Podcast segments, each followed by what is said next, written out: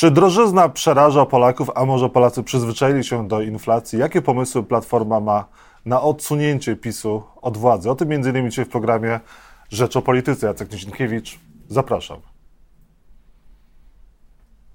Arkadiusz Myrcha, poseł Koalicji Obywatelskiej Platforma Obywatelska jest Państwa i moim gościem. Dzień dobry.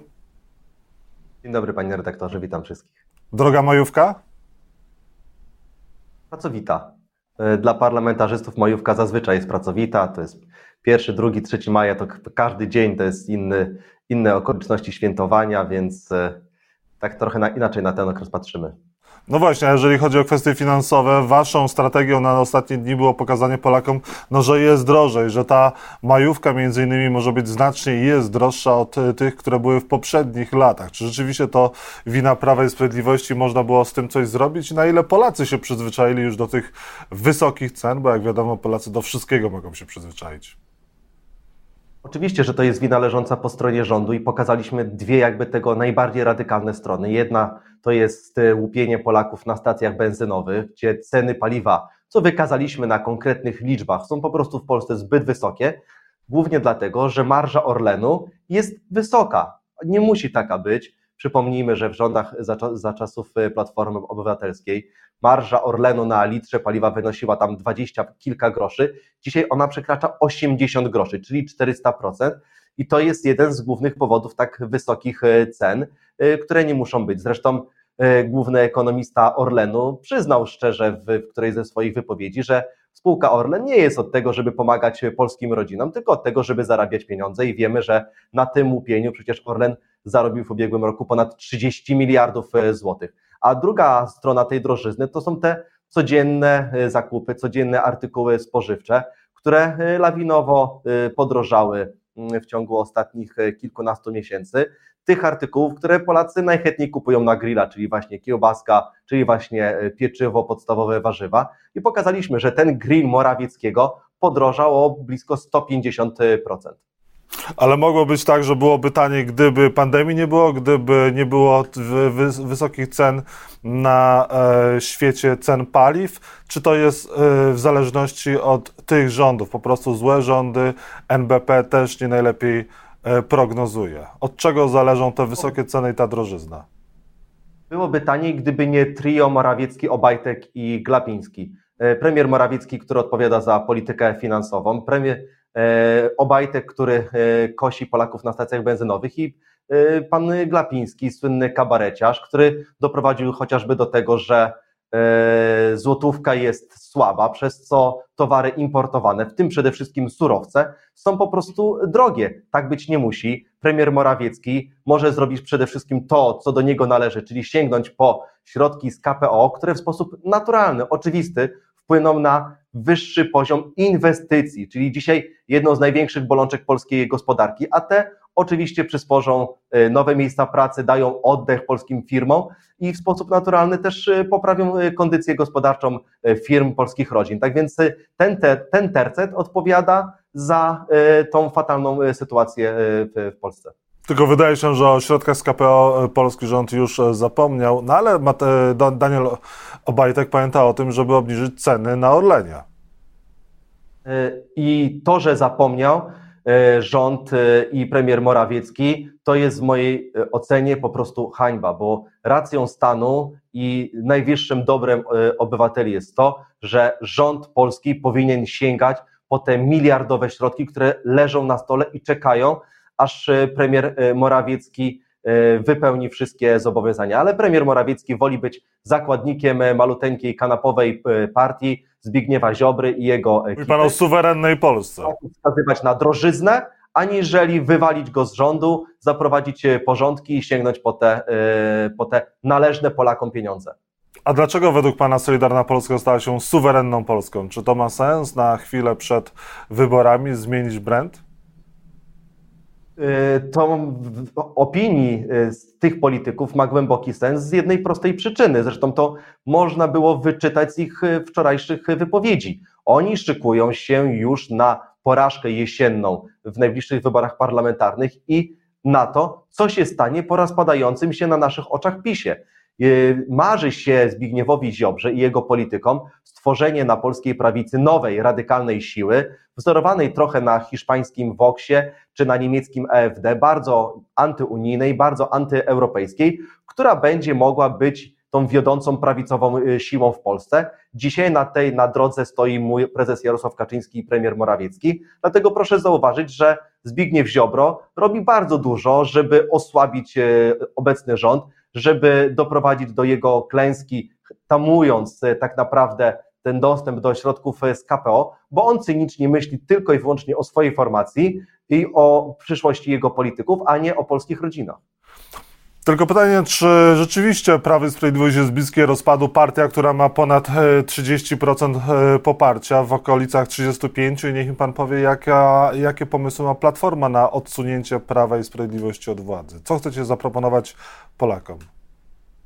Ja tylko przypomnę w kwestii tych sondaży, że Prawo i Sprawiedliwość, kiedy przegrywało przez 8 e, lat z Platformą wszystkie wybory, cały czas utrzymywało to poparcie w granicach 30%. Tak więc to nie jest nic nadzwyczajnego, ich obecny, e, obecny wynik. E, I to jest e, siła, która oczywiście jest w stanie jesienią przegrać wybory, bo przede wszystkim Polacy są zmęczeni ich tą polityką codziennego rozkradania, to codziennego dzielenia Polaków. To są dwie takie, dwie takie mm, płaszczyzny, które najbardziej wybrzmiewają z naszych no już kilkuset spotkań, które odbyliśmy w ośmiu województwach Polski, a jeszcze te kilkaset przed nami w najbliższych tygodniach. Naszym zadaniem jest przede wszystkim zadbać o portfele polskich rodzin, dać polskim firmom przestrzeń do działania i ściągnąć należne Polakom środki z KPO i przede wszystkim próbować no, odbudować tą naszą wspólnotę. E, I to jest, są takie najważniejsze wyzwania, nie tylko stojące przed Platformą Obywatelską, ale przed wszystkimi siłami demokratycznymi, ale to będziemy mogli osiągnąć przede wszystkim odbudowując instytucje publiczne, które są naprawdę, proszę wierzyć, na skraju albo wyniszczenia, albo na, na skraju całkowitego upartyjnienia. Dobrze, jeżeli chodzi o to e, odbudowanie przez opozycję tych instytucji państwowych, które są tak upartyjnione, czy opozycja, mówiąc e, już szerzej, ma jeszcze szansę na wspólne listy wyborcze, czy Platforma sobie wyobraża wspólne listy jeszcze z Koalicją e, Polską, czyli e, PSL-em, no i teraz również z Polską 2050. Oczywiście, że sobie wyobrażamy i będziemy na to gdzieś z tyłu głowy liczyli do samego końca, do momentu ogłoszenia wyborów. Natomiast patrzymy na politykę realnie, twardo stąpamy po ziemi i widzimy, jakie są reakcje naszych partnerów po stronie demokratycznej. Dlatego też przystąpiliśmy już do pełnej e, mobilizacji przed e, wyborami. Pracujemy jako koalicja obywatelska w Sejmie, jeździmy e, po Polsce organizując spotkania. Powołaliśmy sztab, który przygotowuje także partię do, i koalicję do, do wyborów. Tak więc y, będziemy przygotowani do tego, żeby do tego boju stanąć jako koalicja obywatelska i stanąć do tego boju y, w pełni przygotowanym i ten bój wygrać. A listy już tworzycie? Jesteście na tym etapie? No, podejrzewam, że zarząd krajowy i pan przewodniczący robią y, pierwsze pewnie przymiarki do, do tych list no bo jednak czas nieubłaganie płynie. Natomiast pewnie ostateczny kształt będzie e, nastąpi gdzieś w okolicach połowy czy drugiej połowy sierpnia, w momencie, kiedy będą ogłaszane, wynik, e, ogłaszane mm, wybory. Tak więc e, przed nami te dwa miesiące, kiedy te listy pewnie w sposób całkowity będą kształtowane. No i przed nami też marsz 4 czerwca organizowany przez Platformę Obywatelską. Czy Platforma Obywatelska jako organizator zaprasza inne partie polityczne na ten marsz? No, to wybrzmiało wielokrotnie, przede wszystkim z ust premiera Donalda Tuska, który powiedział wprost, to nie jest marsz przede wszystkim dla polityków, ale dla obywateli, dla wszystkich tych, dla których e, te, to poczucie wolności, szacunek dla drugiego człowieka, dla godności, dla wartości wynikających z demokratycznego państwa prawnego są naprawdę istotne. Ten każdy będzie się czuł e, gościem, czy też gospodarzem takiego e, wydarzenia. Każdy oczywiście będzie e, mile widziany.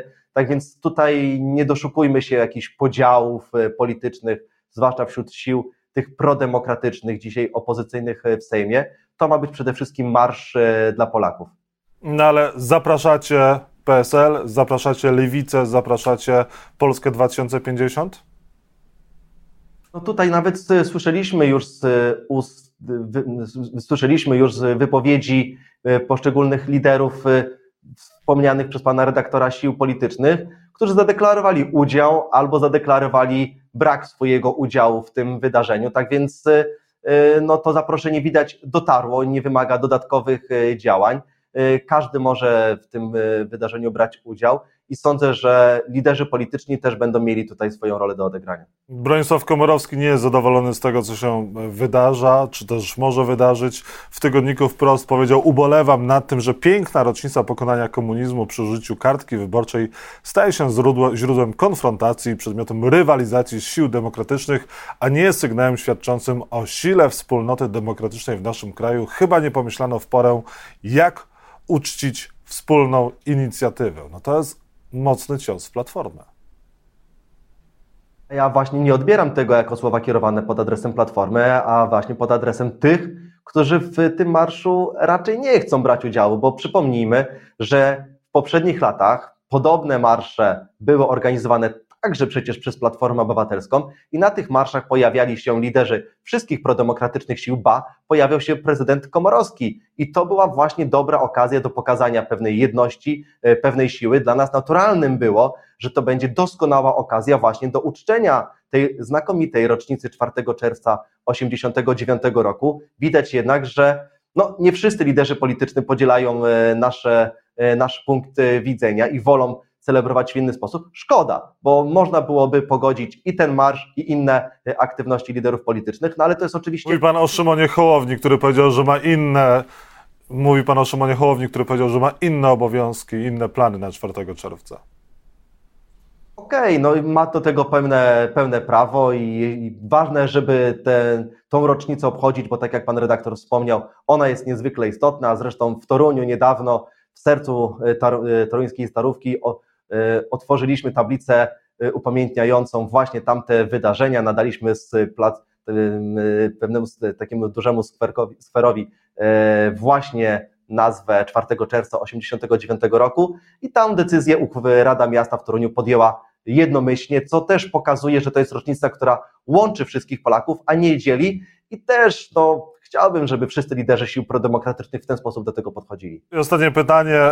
Prezydentem wszystkich Polaków powinien być e, sprawujący urząd Andrzej Duda. Pytanie, czy takim będzie w kampanii wyborczej, czy jednak Platforma Obywatelska, Koalicja Obywatelska spodziewa się, że Andrzej Duda zaangażuje się w kampanię wyborczą Prawa i Sprawiedliwości, czy też będzie jeździł po Polsce i zachwalał ostatnie lata pod rządami Prawa i Sprawiedliwości. Jesteście przygotowani na to?